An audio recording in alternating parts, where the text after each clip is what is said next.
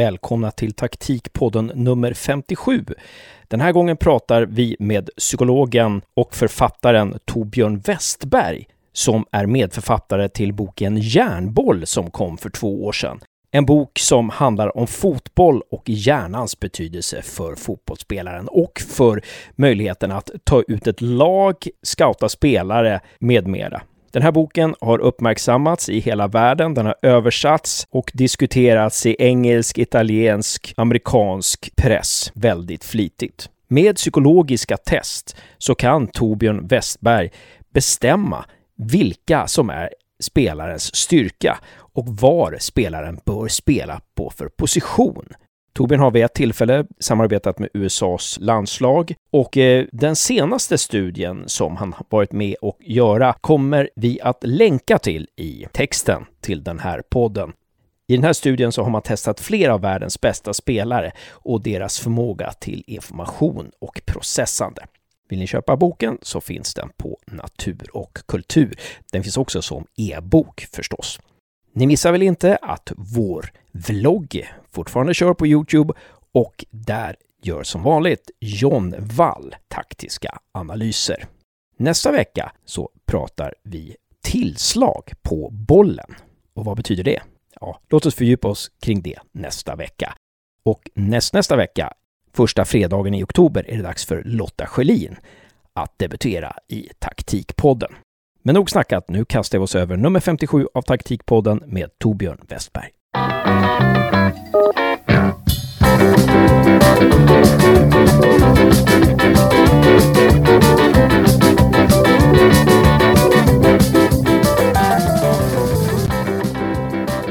Välkommen till Taktikpodden, Torbjörn Westberg. Tack så mycket. Du är legitimerad psykolog och filosofi och doktor. Eh, du har skrivit boken Järnboll som kom ut 2018 tillsammans med eh, Predrag Petrovic och Thomas Lerner. Och eh, det är den vi tänkte prata väldigt mycket om idag. Har du någonting att tillägga till din presentation? Någonting viktigt du tyckte att jag utelämnade? Ja. Jag är legitimerad psykolog. Däremot är jag fortfarande doktorand. Så om, om ett halvår så är jag förhoppningsvis klar. Då ska jag försvara min avhandling. Ja, men det är jättebra att få in det.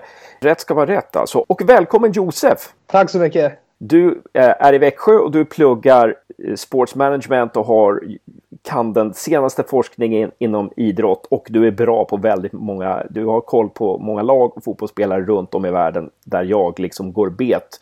Eh, men om vi ska börja någonstans då Torbjörn, Alltså många tror jag fotboll handlar om uthållighet, explosivitet, motivation, fysik och så vidare. Och det gör det, och det gör det. Men inte, men inte enbart. Men inte enbart, nej just det. Och när man läser järnboll så inser man ju att en viktig egenskap hos fotbollsspelare är att ha bra exekutiva funktioner. Alltså att i stunden kunna fatta rätt beslut bland tusen olika möjligheter. Sådär. Är det en, en, en bra sammanfattning? Det tycker jag. Det tycker jag. Vad, det som gör att många människor går bort sig lite i det här det är att de tror att det handlar om vad vi tar in för information. Men, men egentligen handlar det om att hjärnan redan har en föreställningsvärld om vad som är på gång. Alltså vi är top-down styrda och när den föreställningsvärlden kommer så nära någon slags verklighet som möjligt, det är då man blir väldigt framgångsrik. När det finns ett för stort glapp mellan min föreställningsvärld och vad som faktiskt är på gång, då, det är då man kommer lite millisekunder för sent och då, då, är man redan, liksom, då har man redan förlorat möjligheten att göra någonting åt den här bollen. Just det.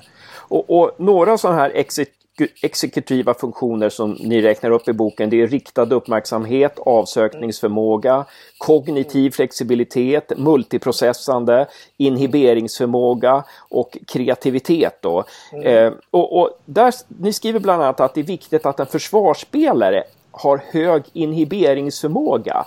Alltså att eh, den här spelaren kan, kan hitta lösningar om en annan lösning blir fel. Kan du förklara varför det är så viktigt för just försvar, försvarsspelare?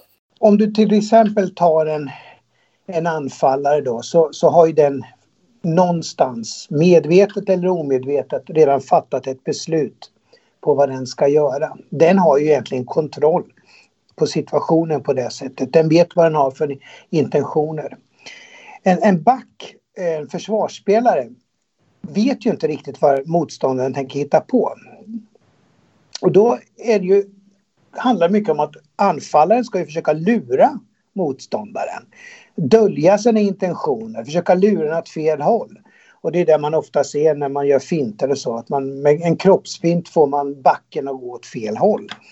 Eh, det är inte ovanligt att man lyckas så långt. Men vad vi har sett då när vi har testat försvarsspelare, det är att de har en otroligt hög förmåga att i steget kunna omorientera sig, byta riktning, helt enkelt omvärdera informationen.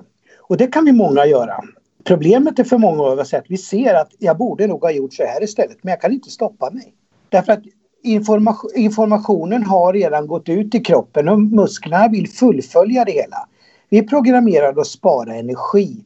Och, och, att stoppa en handling är väldigt jobbigt för att jag stoppar in, in, in, liksom energi, energiflödet. Så att det krävs mycket liksom, att, att inhibera sig, att stoppa. Men de här, många framgångsrika backar, de har en speciell förmåga att omorientera sig väldigt snabbt.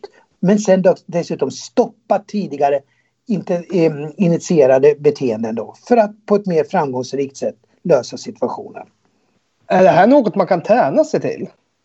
Just den här biten är extremt svår. Eh, att, att mycket av det som händer, alltså hjärnan är plastisk men inte så plastisk och speciellt inte när det gäller saker som inhibering. Den är extremt svår att göra någonting åt. Vad man däremot, så att det, det är mycket en medfödd eh, förmåga. Vad man däremot kan göra om man till exempel vet att man har en svagare inhiberingsförmåga, ja men då, då, då kanske man så att säga ska bygga kompenserande strategier runt det. Och som en back till exempel eh, så, så kan det ju handla om vem är det som går på först. Alltså man har ju det gamla vanliga stöd, eh, vad säger man, understöd. Alltså, och då kanske man så att säga eh, inte ska vara den som går på först utan man är som tvåa. Man, till exempel, jag vet att jag är lätt att bli bortfintad men då, då har jag mer tid på mig att se vad som är på gång om jag är mer ett, ett understöd. Just det. Man ska inte vara sista utposten då om man har låg nej, inhiberingsförmåga. Nej, precis. Va? Det, det kanske inte är så bra. Ni skriver också att en forward däremot då, tvärt en försvarsspelare, en forward funkar bäst om den har låg inhiberingsförmåga. Hur kommer det sig då? Ja, man, man kanske ska, må, måste modifiera lite, att, att vara lite mer nyanserad i språket då. Men, men varför är det bättre att ha svagare inhiberingsförmåga? Jo, i, om du tänker att du tar ett beslut, nu ska jag göra mål. Va? Eller nu ska jag skjuta. Om du då börjar komma med en, en, en, en andra tanke, ja men hur blir det? Alltså det här är ju inte så som fotbollsspelaren tänker, men, men intuitivt, för det här handlar väldigt mycket om intuition. Om du, men fortfarande är det smart, det är fortfarande analyserande. Det är inte instinkter vi pratar om, utan vi pratar om smarthet här. Så får ni intuition att ändå någon form av ifrågasättande. Finns det en, andra, en annan chans här? Då kommer du inte få den andra chansen, för då hinner backen redan blockera eller ta bollen. Så väldigt mycket av, av forwards eller strikers är att de har en väldigt bra första intention och vågar gå på den helt enkelt. Och inte någon inhibering som kommer och ställer till ett trassel där för en. Ja, just det. Man ska, man ska gå all in liksom på det, det man det känner handlar, för. Ja, det handlar om, om all in. Och det är just därför att vad vi kan se när vi mäter framgångsrika strikers, de har en svagare inhiberingsförmåga. De går helt enkelt på första impulsen och gör det mer bestämt. Mm. Och sen så skriver ni också att det är viktigt för en forward att ha bra korttidsminne och bra avsökningsförmåga. Eh, kan du utveckla vad det betyder och, och varför det är viktigt för en forward? I och med att du inte får en andra chans så måste du ha plockat in data för att göra ett bra första försök. Och genom att du är duktig på att söka över, då har du liksom sett var är motståndarna, var är medspelarna. Korttidsminnet, du vet vart de var för en sekund sen, för två sekunder sen. Eh, det innebär att du har med dig det i ditt beslutsfattande. Så du kan liksom simulera vart de kommer att vara om en eller två sekunder. Och i och med att du har ett rörligt informationsintag, du kan hålla det online, du har tagit in mycket information, då har du bäst utgångsläge för att sedan göra ett försök. För du kommer inte att få ett andra, en andra möjlighet. Superspännande det där. Och sen så om vi går till mittfältare då, eh, så, eh, så ska man ha hög konvergent kreativitet. Eh, alltså man ska kunna hitta många lösningar på ett problem. Varför är det viktigt just för mittfält, mittfältare? Mm, det är, alltså man behöver ha en, både en divergent och en konvergent kreativ förmåga. Divergent handlar om att jag hittar många lösningar. Och en konvergent är att jag trattar ner det till ett slutligt, en slutlig lösning bland många. Och det gäller att kunna ha den här, styra den här förmågan. För att har du som mittfältare, har du, plockar du bara fram e, en möjlighet hela tiden så, så, så inser du redan att det är begränsande. Och vad vi har sett då när vi har mött eller mätt eh, mittfältare är att de generellt sett har en högre kreativ förmåga. Att både se flera lösningar men sen tratta ner det till en, ett bestämt beslut. Då. Och det, hela det kreativa flödet är generellt sett högre hos, hos, hos mittfältare än, än, än, än äh, andra spelare. Det hjälper liksom inte att se massa möjligheter om man inte får förmåga att koka ner det till ett beslut. Liksom. Du behöver båda, båda flödena. Dels så ska du kunna se många möjligheter. Du ska vara kreativ att kunna se många lösningar. Eh, därför att eh, du måste ju överraska motståndaren hela tiden. Och du måste se, eh, finns det många bollbanor här? Finns det, och ser flera steg. Vad skulle kunna hända? Och ju mer kreativ du är, ju fler lösningar har du. Och ju fler alternativ har du för att överlista motståndaren. Just det.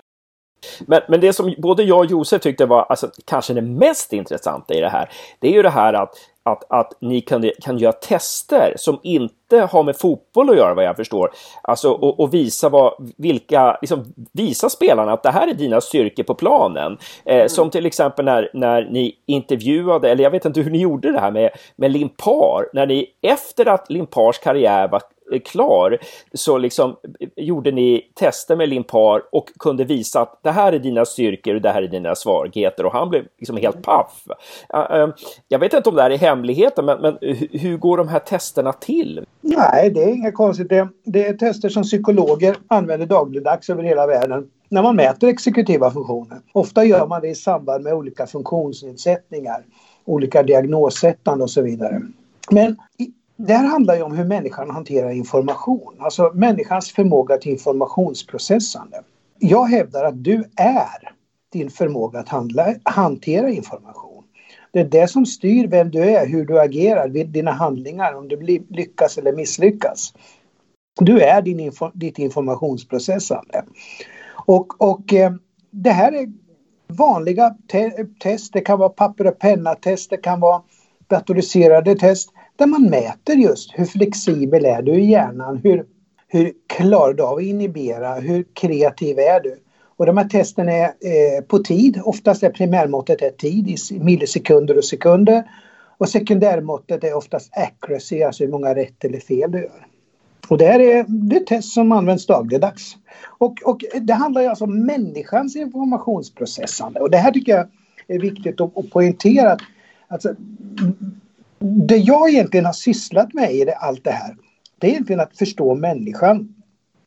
Många har till exempel jobbat, har jobbat med råttforskning. Man, man sätter råttor i en labyrint och så sysslar man med lite experiment och så ser man, ja, när, ja så här fungerar en, en hjärna då.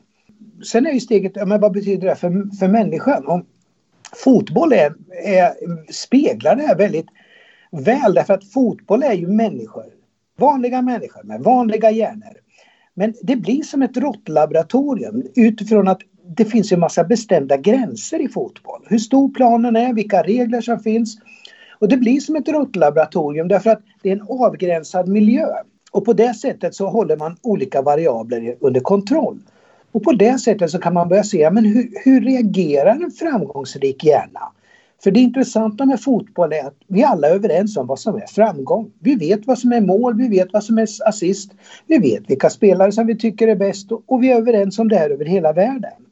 Och mäter man då den hjärnan hos de här säga, framgångsrika individerna så ser man ju, ah, det är så den fungerar. Så att intresset för fotboll det ligger egentligen utifrån att det är en väldigt bra spegling, speglar väldigt bra vem människan är i världen fast under en mer kontrollerad miljö. Ja, det är ju superspännande alltså. Och ni gör ju då, ni tar ett exempel i boken där, eh, jag vet inte vem av er som har, men ni, ni hade ju analyserat i alla fall att en försvarsspelare egentligen borde spela forward. Så ni gick ju till tränaren och sa att den här borde spela forward. Eh, och så visade det sig sen att, att den, som du varit inne på förut, fick ta hand om första pressen eller någonting sånt där istället för, istället för att vara längst bak. Men, men det här tänker jag, den här, det här sättet att testa, det borde ju alla fotbollsklubbar göra då. Eh, borde inte liksom alla fotbollsklubbar vilja köpa era tjänster och, för att liksom kolla var spelarna egentligen passar bäst och hur de ska användas och så? Ja, ja, jag tycker det personligen. Det är ju människans hjärna som jag är intresserad av. Så att jag, jag personligen eh, liksom, håller inte på att syssla med affärsverksamhet på det sättet. Liksom. Men, men självklart så tycker jag väl att om, om tränarna är smarta så borde de väl ta reda på mer om spelarnas kognitiva förmåga. Det tycker jag är självklart. Man, man, man, man scoutar spelare och lägger ner massor med, med, med pengar och, och, och för att förstå spelare. Men egentligen har man ju inte tittat på kanske det viktigaste, hur spelaren hanterar information. Och det är det här som, som man också miss, misslyckas tycker jag med mycket värvningar. Därför man ser hur spelare är i en sammanhang där det inte krävs, så, till exempel om du spelar i lägre division, så krävs det inte samma förmåga av informationshanterande som du gör när det går i en annan division som går snabbare. Där besluten måste fattas snabbare. Som om man inte mäter det här så är det väldigt svårt att förstå om den här spelaren har tillräcklig kapacitet. Vad vi nu i den studie som vi publicerade i somras i Nature då, i den tidskriften, så, så kan vi alltså se det att de som spelar på landslagsnivå, de har, vi, vi har kunnat nu stadfästa en, en form av landslagsnivå eh, vad det gäller flexibilitet. Och, och, och det liksom, uppnår man inte den så är det väldigt svårt att egentligen lyckas på riktigt hög nivå. Därför att hjärnan kan inte vara tillräckligt flexibel. Alltså för att hantera spel då, när det går så fort. Och om, alltså, har man inte det här, ja, ja, jag tycker det är konstigt att man inte ägnar sig mer åt att undersöka den här saken också. För man mäter ju syreupptagningsförmåga och man mäter alla möjliga andra saker. Man kan, man kan träna upp kondition, teknik, motivation och eh, fysiska aspireringar. Men ka, hur kan man träna upp exekutiv intelligens? Ja, det är jättesvårt. Det är, det är jättesvårt. Och, och det, det är väl kanske det här som fotbollen generellt sett har lite svårt att förstå. Därför det hör man ju själv, man sysslar med träning och man har träningsanläggningar och träningskläder. Man är väldigt träningsfokuserad liksom. Men grejen är att många av de här sättet att hantera information är inte riktigt träningsbart. Men som jag ser på det handlar det väldigt mycket om att förstå min kapacitet så att jag de, dels kan komma till min rätt. För förstår jag mina fördelar, förstår jag det mina svagheter, ja men då, då, då kan jag anpassa mig bättre. Och, och utifrån det så, så, kan man bygga kompenserande strategier. Som jag exempel gjorde ett exempel i boken som du har läst. Att ja men har jag svårare att, att söka över så, så, så kanske jag måste liksom rent fysiskt träna på att avsöka mera. Va? Och, och, och, alltså, men då är, inte, är det inte så att jag bygger, att jag eh, tränar den här förmågan för att den är svårare. Men jag bygger en kompenserande strategi genom att vrida till exempel mer på huvudet. Så att jag tror att genom att förstå mina styrkor och svagheter så kan jag bygga kompenserande strategier. Och eh, ytterligare en sak som vi till exempel gjorde med, med USAs damlandslag. För jag träffade dem ju två år innan VM här de, de vann. Och då började jag testa flera av deras spelare. Och vad man kunde se då eh, så var det där, hur kommer de här att kunna samarbeta? Eh, både i vilken position kommer de att komma bäst till sin rätt? Hur, vilka kommer att kunna samarbeta bäst? Därför att bara för att det kan ju vara så att är man för lika, ja men då ser man informationen för lika. Och då kan det vara att man missar information. Ibland kan det vara bra att komplettera varandra i informationsflödet. Så det här jobbade USA med utifrån den datan. Då. Mm. Ni skriver också i boken att för att träningen ska ge resultat behöver övningen verkligen påverka det den är tänkt att påverka. Um, hur menar du där? Nu vet jag inte exakt var, var, var, vart du är någonstans. Sidan 132. det, det kanske inte säger så mycket. Här. Men ni, prat, ni tar, lyfter fram lite övningar sådär att, att, liksom att, att man, man ska träna på, man ska skräddarsy övningarna utifrån det som man verkligen vill komma åt. Liksom, va? Jo, jo, precis. Jag är inte exakt säker på vilket sammanhang det står i nu. Men generellt sett med, med, med, med övningar, med allting. Ju mer om du spelar fotboll, ju mer fotbollslikt det är och ju mer likt det är den rätta situationen, ju mer snabbare känner hjärnan igen det här och börjar använda den här kunskapen. Alltså det stora problemet utifrån att gå vidare på det här, kan man träna saker? Det är det att man har inte hittat den där länken, den här generella länken. Det vill säga att om du tränar en generell förmåga så får det specifika utfall. Det har man inte lyckats med. Till exempel om, om du tränar upp ditt arbetsminne i ett dataprogram så blir du bättre på det dataprogrammet. Men du blir inte bättre i, i arbetsminnet när du kör bil. Det, är alltså den, det, är den, den, det har man inte hittat än. Liksom. Hur går det där till? Och därför när du, om du vill liksom komma åt olika kognitiva aspekter så bör det vara i den miljö där den ska användas så specifikt som möjligt. Det är väldigt intressant. Så egentligen, om man spelar fotboll ska man spela mycket matcher för att man ska bli bra på matchsammanhang. Ja, absolut. Och det är också någonting de skriver i boken, där. spela matcher liksom. Då lägger du in fotbollskunskap i hjärnan, olika matchsituationer, olika... Alltså, du sitter... Visserligen är människan, har människan en, en, en ny kunskap i förhållande till andra arter. Att kunna titta och lära sig. Absolut. Det, det finns där. Det har redan Bandura stadfäst på 60-talet. Men genom att också ha dina, dina muskler med i det hela, ha din, ditt, ditt, ditt perception i, i, i, situationen närvarande, så, så lagras det ännu bättre in i minnet. Du har väl varit inne på det, eh, en näst sista fråga då innan vi kommer till den sista frågan. Alltså, du har varit lite inne på det att, att, att, att ni menar väl att i den här boken att tränare ska sätta spelare på positioner där de får använda sin styrka då. Och, och, mm. inte, och inte att man ska lägga allt för mycket tid på att göra om spelare, liksom låtsas att alla kan bli bra på allt. Liksom, utan ja, att... precis. Ja, men så är, så är ju människan. Är vi alla bra på allt? Nej. Varför skulle en fotbollsspelare vara bra på allt då? Nej, precis, precis. Alltså för mig är fotbollen, det bara speglar mänskligheten. Det bara speglar det, det liv vi lever. Och ju mer vi är sanna mot, mot verkligheten, ju, bet, ju mer framgångsrika kommer vi vara. Därför att då vet vi vilka resurser vi har. Det är ju inte det starkaste laget som vinner. Det är inte det snabbaste laget som vinner. Men det laget som är mest realistiskt utifrån sina förutsättningar och är tillräckligt smart för att använda det man har på rätt sätt. Ja, jättebra, jättebra. Eh, det, där är, det där ger oss verkligen en tankeställare alltså. Helt klart. Eh, Josef, ska du ta sista frågan då? Jag tar den sista. Um, om det fanns en tidsmaskin och, och, du kunde gå tillbaka tio år i tiden mm. och ta med dig en kunskap som du inte hade då. Vad hade det varit? Större ödmjukhet. Ja, det är så alltså? Då kanske fler hade lyssnat på mig. ja, du, du, tror, du tror att, eh, att den, den egenskapen liksom skulle ha... I, ibland, blir man, ibland blir man för uppkäftig. Ibland är jag för uppkäftig. Och då stänger folk till öronen jag tror att jag hade kommit längre med min kunskap idag om jag hade varit lite mer ödmjuk. Mm, intressant. Stort tack Torbjörn Westberg för att du ställde upp i Taktikpodden. Otroligt ja. intressant att prata med dig och det ska bli intressant att se eh, vilka reaktioner vi får från lyssnarna här och eh, vi kanske, ja. kanske får skicka mail till dig. Och... Det, det går bra. Det går bra. Jag brukar försöka besvara så mycket jag kan och hinner. Bra jobbat Josef! Tack detsamma Hasse. Det var otroligt intressant att lyssna på dig Torbjörn. Tack så mycket. Tack för att jag fick vara med.